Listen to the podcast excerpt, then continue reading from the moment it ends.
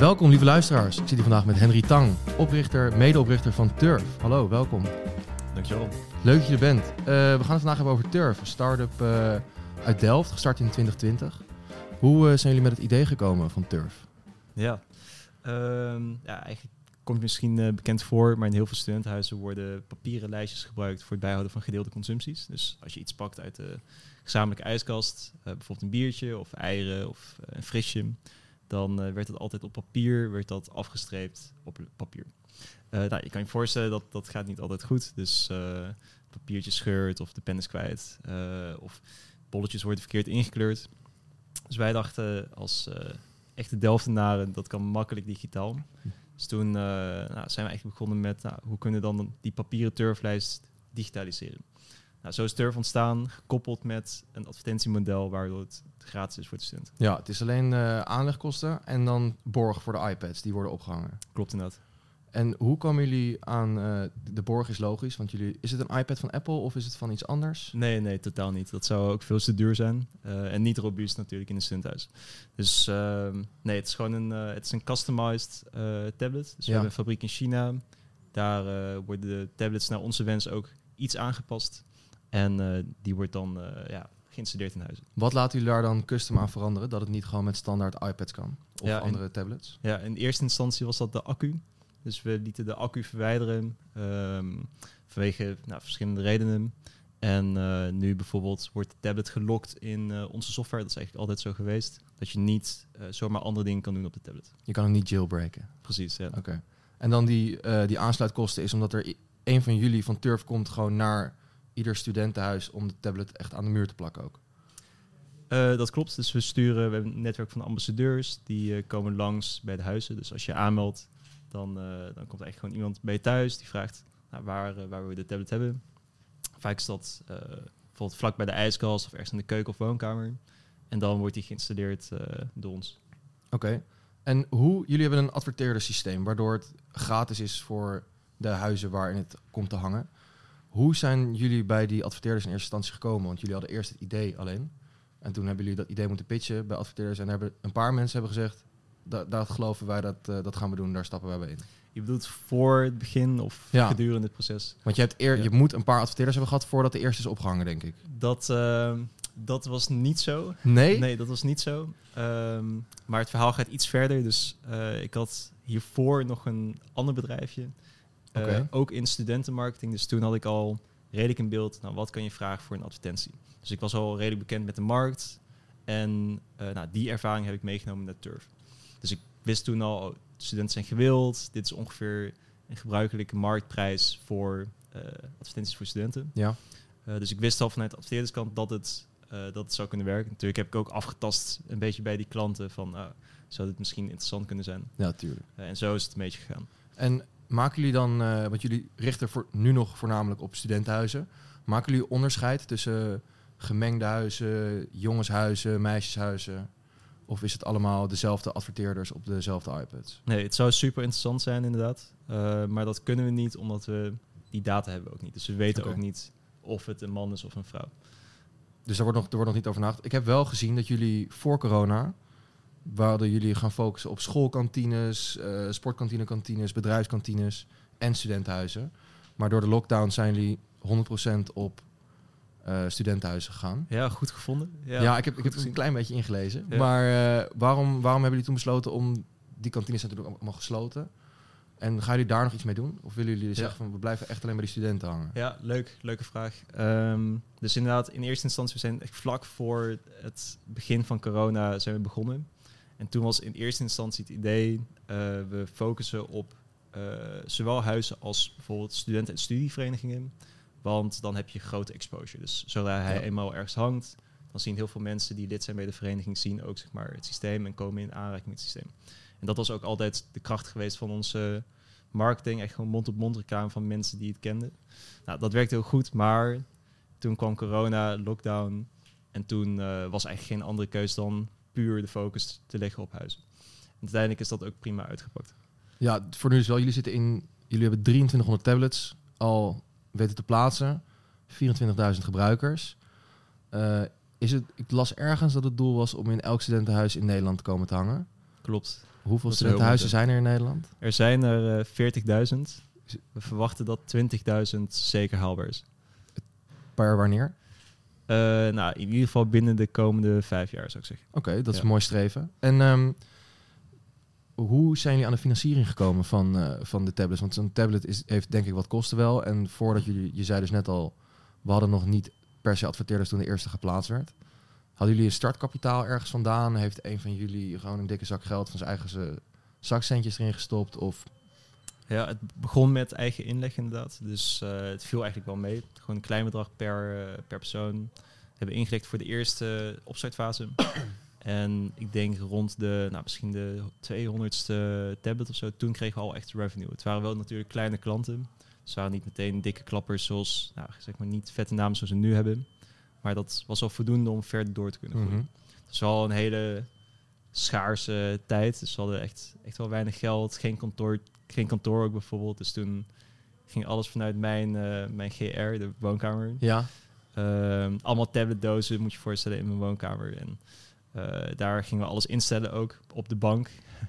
Dus op de bank, de bank was het kantoor. Klopt, ja. Dus heel, de, heel mijn huis was gewoon, stond vol met tablets. En toen Eh. zijn jullie meteen daarna naar dit kantoor gegaan? Of?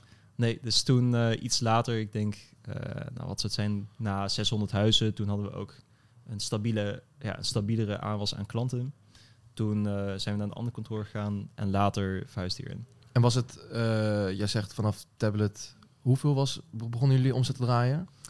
Eh, ik gok honderdste of tweehonderdste. En vanaf wanneer praten we over winst? Of zijn we daar nog steeds niet? Het, het is eigenlijk niet het doel van de start-up om winst te maken op korte termijn. Nee? Dus ook nu nog, alles wat we verdienen, investeren we ook weer terug. Oké, oké. In groei, dat is het doel.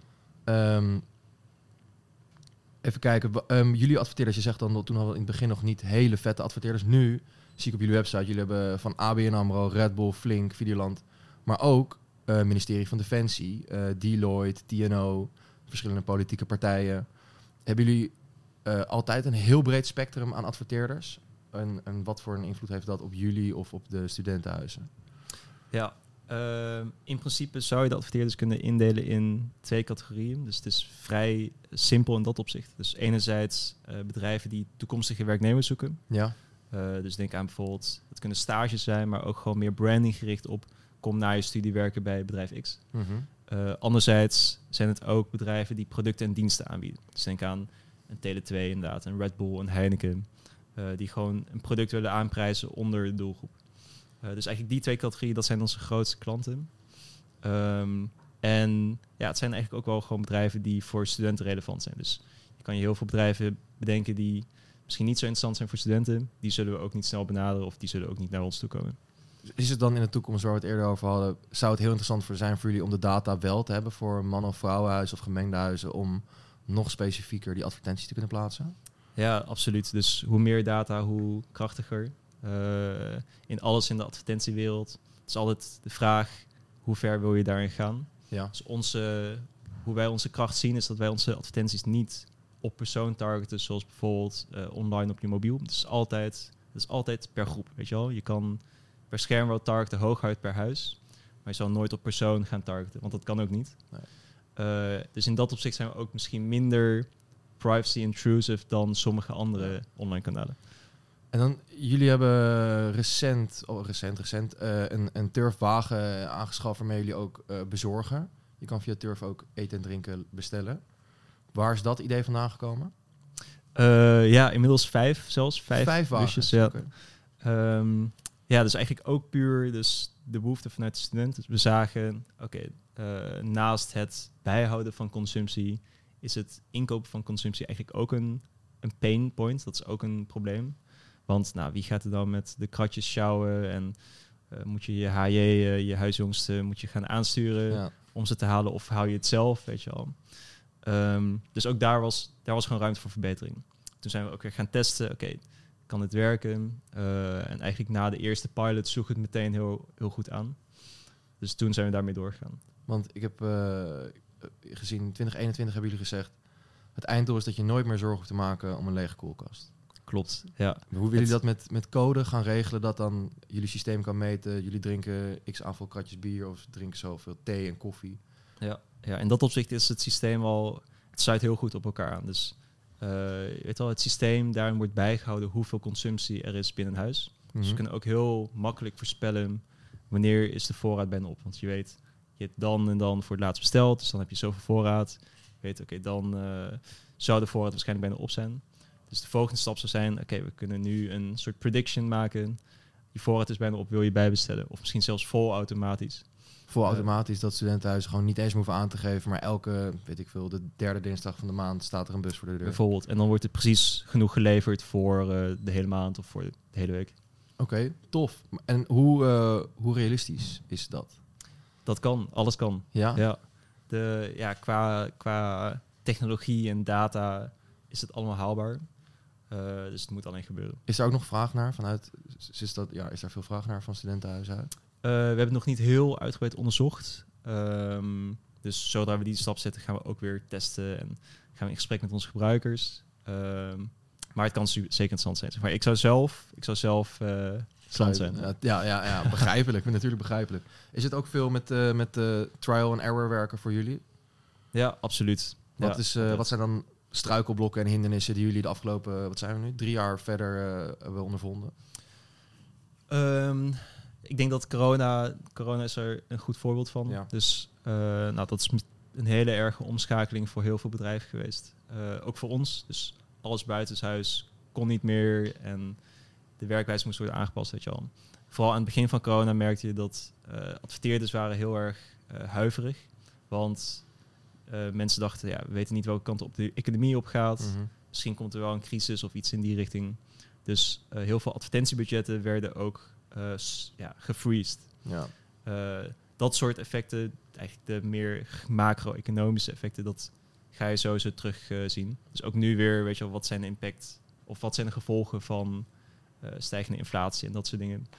Daar zijn we ons bewust van. Hebben jullie daar last van, van de stijgende inflatie? Of? Nog niet, maar eh, alles kan, weet je. Wat gebeurt er als consumer spending straks veel lager is? Ja. Dus, ehm, oké, dus jullie ondervinden wel hindernissen, maar tot nu toe, als je bent gestart en alleen corona, oh, corona is natuurlijk een redelijke, redelijk struikelblok, maar voor de rest nog andere dingetjes die je onderschat of denkt van dat piepen we even. Ehm, ja, niks, niks gaat vanzelf. Dus niks gaat eh, makkelijk in een start-up. Nee. Dat is tegelijk de charme als de uitdaging van een start-up. Ehm, ik denk bijvoorbeeld groei eh, was altijd heel erg organisch geweest bij ons. Dus heel veel eh, groei of heel veel nieuwe huizen kwamen via via bij ons. Dan zie je het scherm en dan, oh nice, dit werkt best wel goed. En dan vraag je het ook aan voor je eigen huis. Ehm, maar we zien wel, het is heel erg sociale bubbel gericht. Dus je moet echt doorbreken per stad, per geografie, per sociale bubbel binnen Mhm. elke stad. Om echt marktaandeel te krijgen. En je ziet dat die aanpak echt per bubbel heel erg verschillend is. Dus elke stad heeft een andere cultuur. Elke bubbel binnen een stad heeft een andere cultuur. Dus daar zijn we ook continu mee bezig van, oké, hoe, hoe pak je dat het beste aan per doelgroep? Wat is dan tot nu toe de lastigste stadsbubbel om doorbroken te hebben? Ik denk dat eh, nou, bijvoorbeeld Groningen is een van de steden waar we echt nog veel te winnen hebben. Dus we zijn ook begonnen in de Randstad hier. Eh, dus hier in de Randstad, Delft, Leiden, Rotterdam bijvoorbeeld. Mhm. Gaat gewoon echt goed. Eh echt merendeel van het huizen, van de groothuizen, hebben we aangesloten. Maar bijvoorbeeld een Groningen of een Amsterdam hebben nog minder marktaandeel, waardoor ook de groei nog moeilijker is om te realiseren. Je hebt het steeds over marktaandeel. Is, hebben jullie een concurrent die iets soortgelijks doet? Nee, nee, dus ik zou zeggen huizen met turf of zonder turf. Oké. Ja, dus procentueel eh, kan het nog beter in Groningen. Ja, dus wat merk je dan qua verenigingen verschil, qua roeiverenigingen of studentenverenigingen of echt studieverenigingen? Ja, verschilt heel erg per stad ook. Ja, en Ja, dan zijn, enorm. wat zijn dan de makkelijkere, de makkelijkere bubbels om door te breken? Ehm, er is niet per se een, een gouden draad daarin. Ehm, maar wat je wel ziet is eh, bijvoorbeeld steden waar we al groot zijn, daar groeien we ook het hardst. Dus bijvoorbeeld een Delft of een Leiden.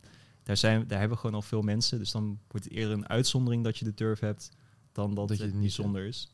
En zeg maar, dat, dat is een soort van kantelpunt. Het momentum dat je dan hebt, dat, dat verzorgt de groei. Want ik had ook op jullie website gezien, jullie groeien met x aantal tablets per dag of per, eh, per maand. Hoe staat, groei je nog steeds met zoveel? Of groeien jullie met meer? Of, of zwakt het langzaam af? Ja, dus meestal rond de 50 tot 100 nieuwe huizen per maand. En dat is nog steeds, gaat eh daartussendoor nog steeds gestaag omhoog. Maar eh, het kan altijd beter. Dus de, het doel is eigenlijk nou, het liefst een paar honderd per maand erbij. Is, het een, eh, is dat realiseerbaar de komende... Het, het kan zeker. Daar werken we wel naartoe. Wat, wat is jouw doel hier binnen Turf? Wat wil jij nog bijdragen en hoe lang wil jij hier nog mee door? Ehm, ik denk dat we echt nog in de beginfase staan van wat we kunnen behalen. Dus de potentie is nog veel groter. Eh, ook eh, als je kijkt naar internationaal, maar ook buiten studentenhuizen om. Eh, het doel van Turf aan zich is ook breder dan het product dat nu staat. Dus we willen eigenlijk het delen van kosten zo makkelijk mogelijk maken. En dat is meer dan alleen natuurlijk consumpties. Dus ik denk in heel veel opzichten het delen van financiën in een groep het kan nog zoveel makkelijker, weet je wel. Eh, waarom zou je nog steeds een tikkie moeten sturen of Ja. dingen moeten invoeren in een, in een bepaalde app? Dat zou volledig geautomatiseerd kunnen. En daar werken we wel naartoe. Is, dat dan, is het iets om samen te werken met eh, de app Wie betaalt wat? Is dat, is- hebben jullie daarnaar gekeken of willen Ja. jullie dat overnemen? Ja, hebben we goede vraag ook. Ehm, om eerlijk te zijn, denk ik dat wie dat wat onvoldoende innoveert. Dus eh, ik denk binnen twee jaar is dat ook weg. En dat zit dan bij jullie erin? Precies. Oké, oké. Ehm, nog, een, nog een leuke vraag. Wat, eh, wat is eh, de, de raarste turf die jullie ooit zijn tegengekomen? Kunnen hebben jullie inzage in welk huis wat voor turfs bijhoudt? Dus koffie, thee en, eh, en bier en chips en zo? In, in theorie wel. Ja. Hebben jullie een keer eentje voorbij zien komen dat jullie op kantoor zeiden tegen elkaar van... Hé, dit moeten jullie echt even zien. Hebben hier turven ze heel erg vreemd rond. Oeh, zo. Ehm, ja, er gebeuren heel veel interessante dingen. Ehm, ik denk dat, dat je je verbeelding daar wel op los kan eh, laten. Ja? Ja. Oké, Ja. dat laten we dan voor de luisteraar om, eh, om zelf eh, in te vullen. Ehm, jouw rol is, jij bent medeoprichter en huidig strategische directeur. Ehm, jij vertelde mij eerder al dat jij ook nog andere rollen hiervoor hebt vervuld. Kan je daar iets kort over vertellen? Ja, in een, in een start-up doe je gewoon alles wat moet gebeuren. Dus vooral in de beginfase ja, zo goed als alles gedaan, behalve software development. Want daar ben ik dan minder goed in. En mijn co-founders eh, weer wel. Ehm, dus ja, weet je wel, aan het begin is het heel erg eh, gewoon wat nodig is. Eh, dus bijvoorbeeld productontwikkeling of marketing aan het begin.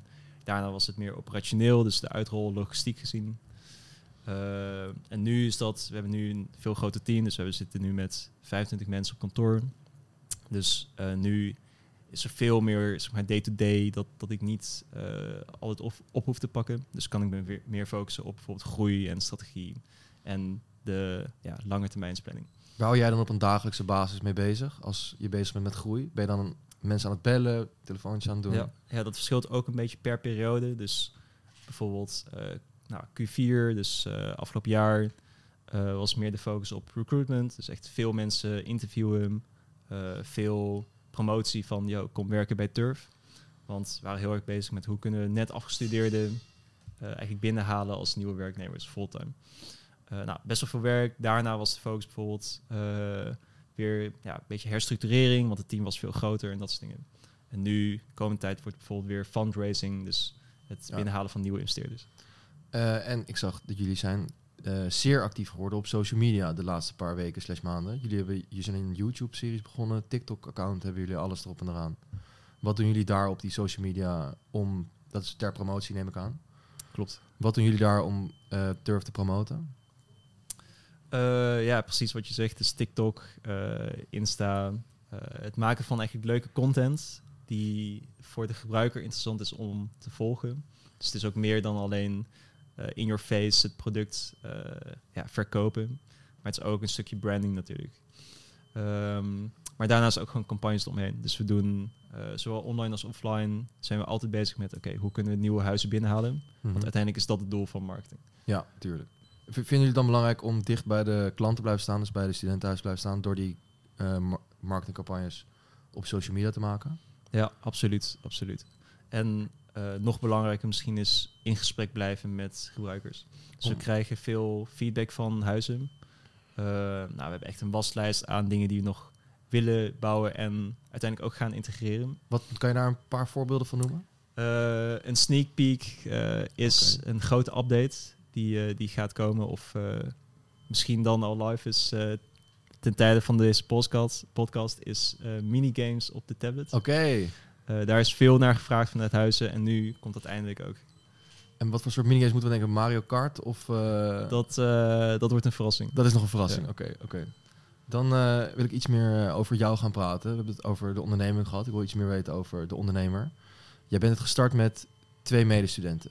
Klopt. Eh van waar die drang om naast je studie, want je bent het begonnen terwijl je nog aan het studeren was, die drang om toch nog ergens mee bezig te zijn, terwijl je in principe hebben de meeste studenten hun handen vol aan een bachelor, maar jij dacht, ik moet, ik moet met nog iets bezig zijn, ik heb meer, meer nodig.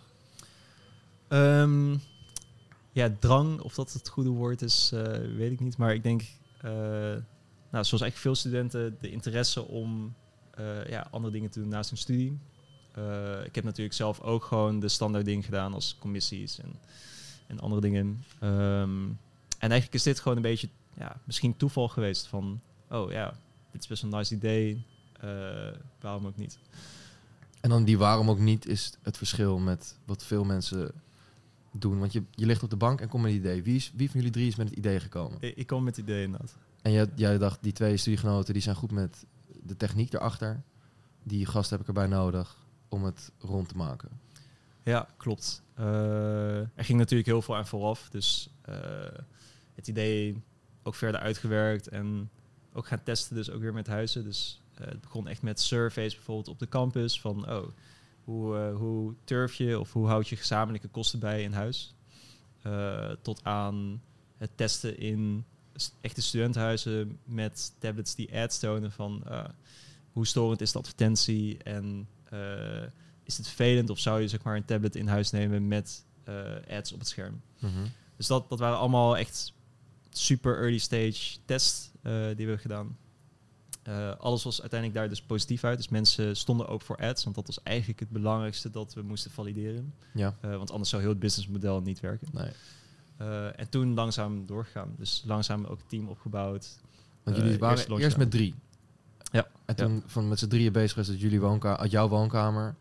En toen zijn jullie gegroeid naar hoeveel mensen? Nu 25. Nu 25. Oké.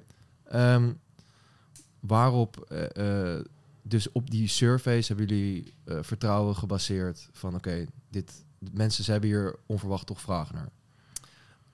Niet geheel onverwacht natuurlijk.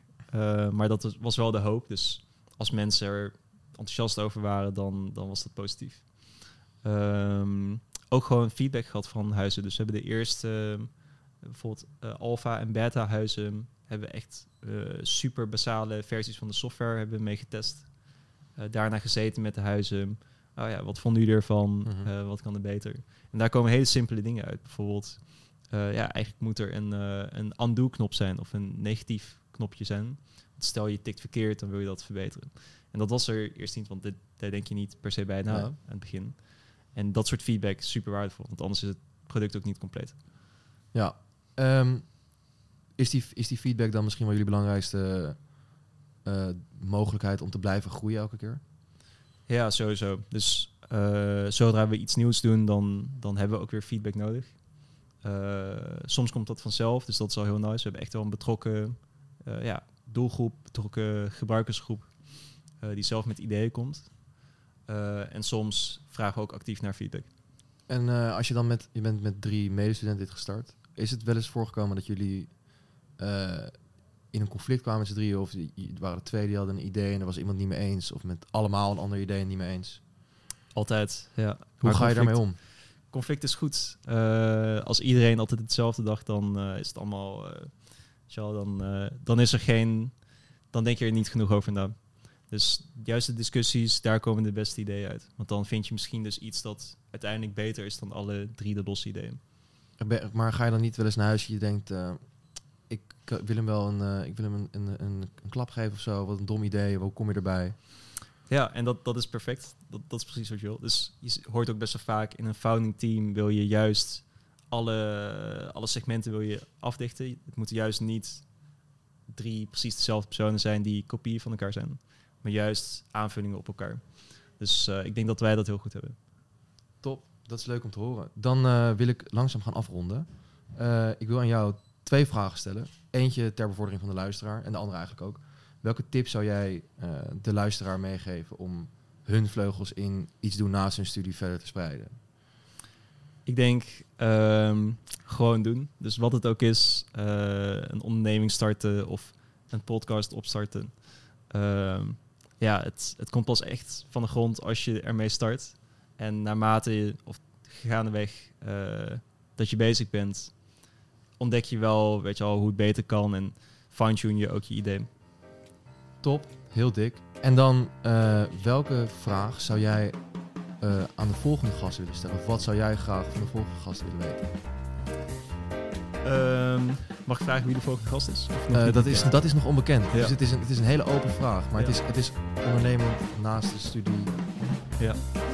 Ik zou zeggen, hoe, uh, hoe zie je jezelf over tien jaar? Top. Dankjewel. Dankjewel.